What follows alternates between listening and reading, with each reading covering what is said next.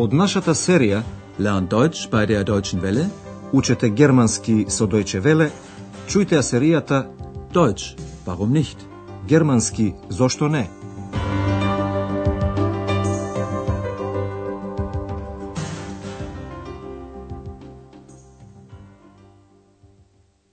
Liebe Hörerinnen und Hörer. Добар ден, почитувани слушателки и слушатели. Денеска наред е 13-тата лекција под наслов Дали го имате исто така и во црно? Haben Sie denn auch in schwarz? Во последната емисија Андреас и татко му јадеа во кафулето. Господин Шефер го праша син му како тоа излегува накрај со работата. На Андреас работата му се допаѓа. Und wie geht's mit der Arbeit? Gut, die Arbeit gefällt mir. Денеска ќе бидеме во придружба на господја Шефер во една голема стоковна куќа. Таму има многу луѓе кои бараат да купат на намаление. Зонда ангебутен. Слушнете малку од мешаницата таму.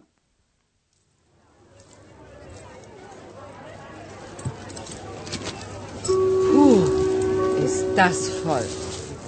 Liebe Kunden, bitte beachten Sie auch unsere Sonderangebote im Erdgeschoss.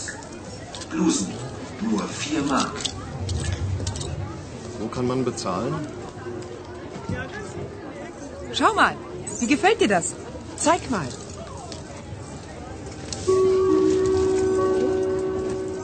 Liebe Kunden, bitte beachten Sie auch unsere Sonderangebote im Erdgeschoss. Pullover, nur 10 Mark. Wo ist hier die Kasse? Nein, das ist mir zu voll. Мешаницата е типична кога има намаление. Затоа и не зачудува што господја Шефер овка. Уф, колку е полно. Puh, ist das voll. Еден човек сака да плати, меѓутоа не знае каде. Каде може да се плати? Wo kann man bezahlen? Бидејќи не доби одговор, тој уште еднаш прашува каде е касата. Касе. Каде е тука касата? Wo ist hier die Kasse? Од звучниците се слуша информацијата. Ве молиме обрнете внимание на нашето намаление во приземјето. Bitte beachten Sie auch unsere Sonderangebote im Erdgeschoss. Се рекламираат блузи што чинат само 4 марки. Блузи само 4 марки. Blusen, nur 4 Mark. А пуловерите, пулова, се рекламираат по 10 марки. Вистина поволни понуди. Pullover, nur 10 Mark. На господја Шефер овој кат е преполн. Не, ова ми е преполно. Nein, das ist mir zu voll. Таа се качува на вториот кат, каде што се наоѓа дамскиот оддел. За среќа, таму не е толку полно, бидејќи таму се нуди стока по регуларна цена. Господја Шефер сака да купи едно здолниште, рок. Во разговорот со продавачката сега станува збор за големината, бројот, гројосе и за бојата, фарбе, на здолништето.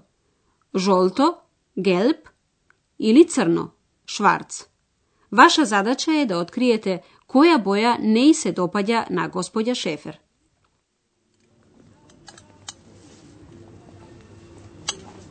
Können Sie mir helfen? Hm? Ich suche einen Rock. Ja, gern. Und welche Größe?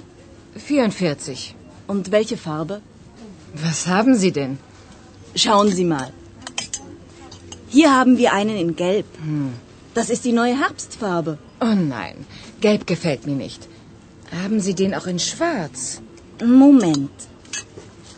Tut mir leid. Nur noch in Größe 42. Der ist bestimmt zu klein. Probieren Sie ihn doch mal. Da hinten ist eine Umkleidekabine.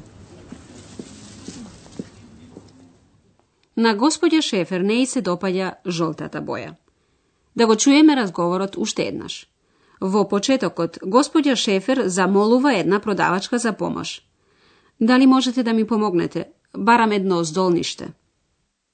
Können Sie mir helfen? Ich suche einen Rock. Продавачката ја прашува господја Шефер за бројот што таа го носи. А која големина? Und welche Größe? Господја Шефер носи големина 44.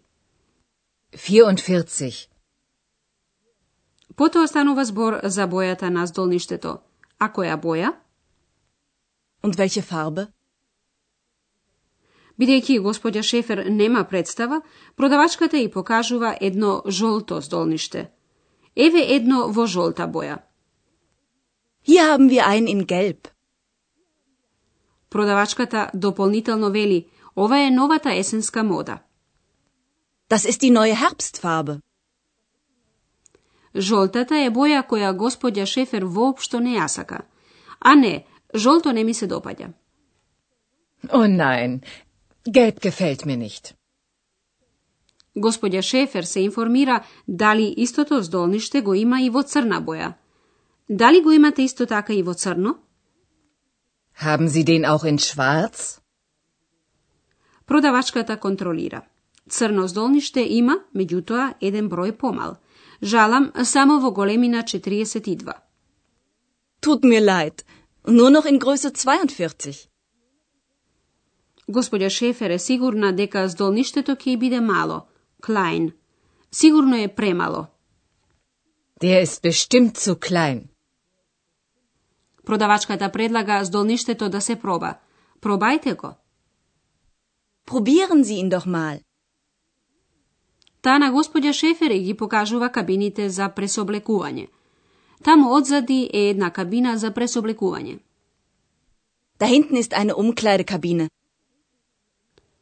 Господја Шефер го проба здолништето. Тоа е навистина претесно.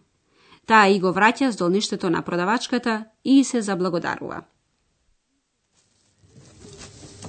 Nein, der ist zu klein. Schade. Vielen Dank. Auf Wiedersehen. Auf Wiedersehen. А сега ќе дадеме објаснување за членот и зборот цу.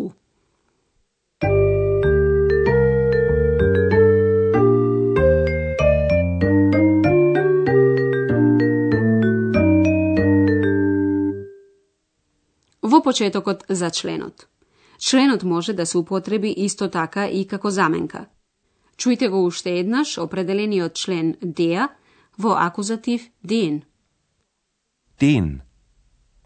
Haben Sie den Rock auch in schwarz?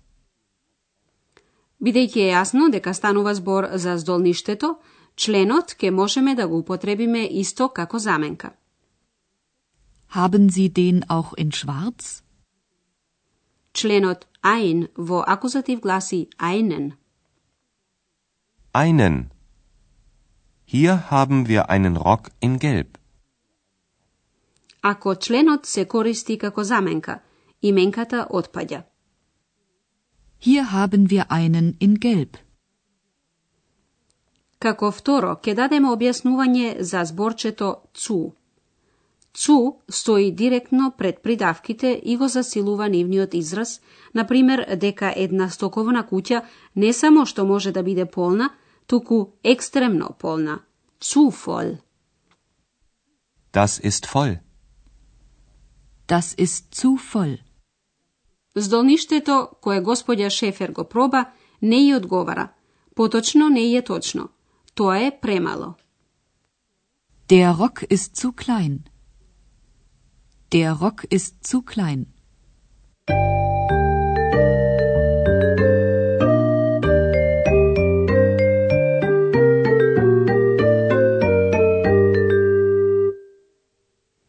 Да го чуеме разговорот уште еднаш.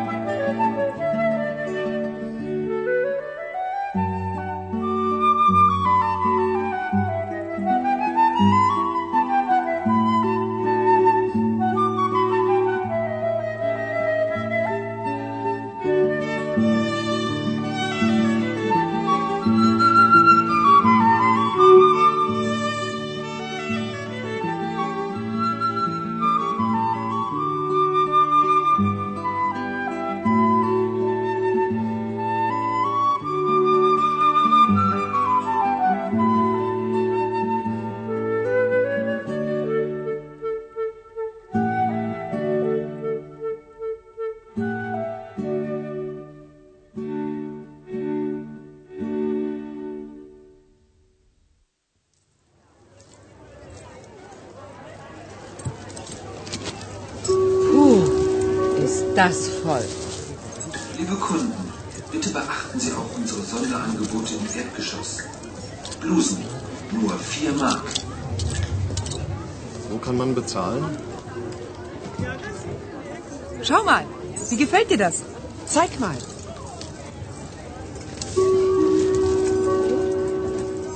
Liebe Kunden, bitte beachten Sie auch unsere Sonderangebote im Erdgeschoss. Pullover, nur 10 Mark.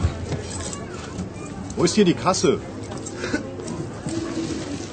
Nein, das ist mir zu voll. Господја Шефер оди во дамскиот оддел каде што не е полно. Таа бара здолниште.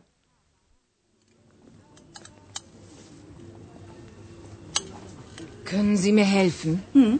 Ich suche einen Rock. Ja, gern. Und welche Größe? 44. Und welche Farbe? Was haben Sie denn? Schauen Sie mal. Hier haben wir einen in Gelb.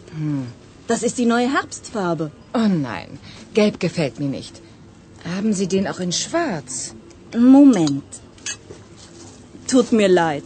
Nur noch in Größe 42. Der ist bestimmt zu klein. Probieren Sie ihn doch mal. Da hinten ist eine Umkleidekabine.